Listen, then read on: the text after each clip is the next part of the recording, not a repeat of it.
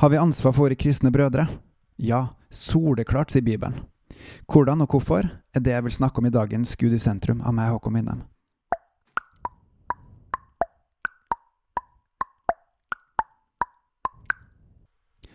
Go, tell it on the mountains, sier en gammel sang. And everywhere. Det er sant, for evangeliet, det gode budskapet om Jesus som vår frelser, er veien til livet. Det evige livet, det å kjenne Han og ha Gud som vår kjærlige far. Da trenger vi ikke å frykte Han, sjøl om vi gjør det, for Hans kjærlighet driver frykta ut. Han er vår far med forventninger til oss til hvordan eh, vi lever livene våre, og han vil veilede oss dit hvis vi går eh, til han og får opplæring daglig. Hvordan går man, og hvor hen? Start med din hverdagsnabo, de du har rundt deg i hverdagen, digitalt eller face to face. Denne gangen sikter jeg ikke til de unådde, men til dine brødre i trua, de kristne. Ja, jeg veit veldig godt at ikke alle kristne, merkelig nok, ikke vil prate om Gud, men start med å fiske etter hvem som er interessert, og del av ditt eget liv. Del av det som du brenner for, det som du er opptatt av, det som du sjøl har oppdaga med Gud. Dette kan jo være på mange forskjellige måter, og jeg tenker jo bebels med det med å bygge Guds rike, det med å be og elske og lese i Guds ord, Bibelen, og lytte til Den hellige ånd og sammenvokse, er jo en veldig god oppskrift på ulike ting man kan eh, dele med andre folk for å komme i gang med en god prat. Eksempler på det finner du i tidligere episoder om f.eks. Bebels. Men hva gjør man egentlig for noe? Fordi Bibelen sier jo gang på gang at vi skal fortelle videre, vi skal vitne om Guds underverker, store gjerninger, til andre folk. Vi skal gi det til våre unger, vi skal gi det til hverandre, og vi skal hjelpe hverandre til å vokse i trua. Um, I dag så har jeg lyst til å dele noe som har skjedd i løpet av den siste uka, for siden forrige søndag så har jeg hatt veldig mange gode prater om livet og Gud.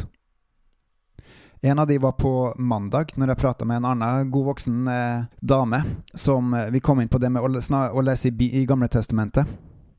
Og eh, da kom vi inn på det med frykten for Gud, for da sa hun rett og slett at gjennom å lese Gamle Testamentet så skjønte hun at Gud er ikke bare den nådige Gud, men han er også den strenge Guden, og rettferdige. Så det å frykte Gud er virkelig et element du får inn gjennom å lese i Gamle Testamentet. Og den tror jeg vi faktisk mangler i dagens samfunn, noe som hun også var helt enig i. En annen var med en annen mann som eh, ga meg litt tilbakemelding på denne podkasten. Eh, og som leda oss til også å snakke litt om Vestkirken, menigheten som jeg går i, og hva ledelse er. Fordi en leder i en menighet er jo ikke noe mer eller mindre kristen enn andre, men det er bare det at man har en funksjon, og den funksjonen er at man skal lede andre. Og skal man lede andre, så man bære frukt. Bærer man ikke frukt, så er man ikke en god leder. Da er man en blind veileder. Eh, jeg hadde også en god prat med en eh, god kompis eh, forrige søndag, hvor vi da hadde en veldig god prat om ulike ting som vi syntes var relevant. Og til slutt så endte vi også opp med å be en stund sammen, og det var utrolig godt. Vi skulle egentlig bare holde på i ti minutter, og så ble det vel drøyt 20 minutter istedenfor. I tillegg så har jeg også snakka med en ungdomsgjeng som virkelig hadde lyst til å gjøre at andre blir kjent med Jesus. Og så sa jeg bare OK, men du, da? Da må du starte med deg sjøl. Og I tillegg så har jeg også snakka med to forskjellige folk som er litt bekymra for samfunnsutviklinga. Og samtidig så kommer vi tilbake til kjernen. Det viktigste er at Jesus is the answer for the world today, som det alltid har vært og alltid vil være. At uansett hva det er, om det er ondes problem, om det er forfølgelse eller trengsler, eller om det er eh, lyster eller bedrag, eller hva det er for noe av bekymringer, så er Jesus svaret. Til alt, faktisk. Og En siste samtale jeg hadde, var med ei som har slitt litt i 2020, som, er, som, er kristen, men som har hatt det litt tøft i livet, og som da også har hatt, eh, hatt mindre tid med Gud. Som da hører ulike innspill på eh, hva det er for noe, at Gud er der, og at man merker det når, når man går gjennom det tunge. Det første da man liksom virkelig kommer nær til Gud.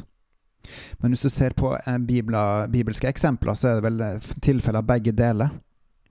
Eh, et av de eh, tilfellene som på en måte har eh, satt litt spor hos meg i nyere tid, var vel Brunson, som satt i fengsel i Tyrkia i to år. En amerikansk misjonær som forventa at det å sitte i fengsel skulle være like bra som når Paulus satt der og sang lovsanger med de andre som han fulgte med, og flere kom til tru. Men han opplevde faktisk at de to årene var det tyngste han hadde hatt da i livet, fordi han merka ikke Guds nærvær. Men i etterkant Da har han sett at Gud var der, og han har sett at dette har faktisk betydd mye for han, og det er noe som han kan bruke videre i livet sitt og overfor andre. Og det som er felles for alt det her, det er rett og slett å vitne. Vi trenger å vitne om det vi har sett og hørt sjøl, eller via andre. Ved å fortelle eh, hverandre hva vi har opplevd av ting som vi har eh, fått gjennom Den hellige ånd, f.eks. når vi leser Bibelen, eller andre har opplevd med Gud av bønnesvar, eller utfordringer og glede man har hatt i det, så kan vi faktisk inspirere hverandre til å vokse i trua med Gud, til å holde ut og bli styrka og faktisk vokse i relasjon med Gud. Fordi da ser man at ok, det er mulig. Det er mulig. Gud er nær, faktisk. Og Noen ganger kan man føle at man er litt langt vekke fra Gud, men det er mulig. Og for å avslutte med en, en liten ting eh, som C.S. Lewis har trakk fram i bok for sikkert rundt 80 år siden, så er det ikke med vår innsats at vi skal vokse med Gud. Men det er gjennom at vi går til Gud, og så vil Gud, som er vår kjærlige far, sørge for at vi vokser. Og det vi kan gjøre, det er å dele denne voksinga med Gud med hverandre, for å hjelpe hverandre til å vokse mer med Gud, til å bli motivert, og til å bli inspirert, og til å bli oppildna av hverandre, og til å dele alt det gode, og til å eh, vokse sammen også, for at vi skal få lov til å ære Gud sammen, og gjøre til at Hans rike vokser. Rett og slett Bebels bygg Guds rike, og da som en komponent sammenvoks. Fordi Gud fortjener det. Fordi Gud er sentrum, og vi skylder han alt. Bebels og på gjenhør.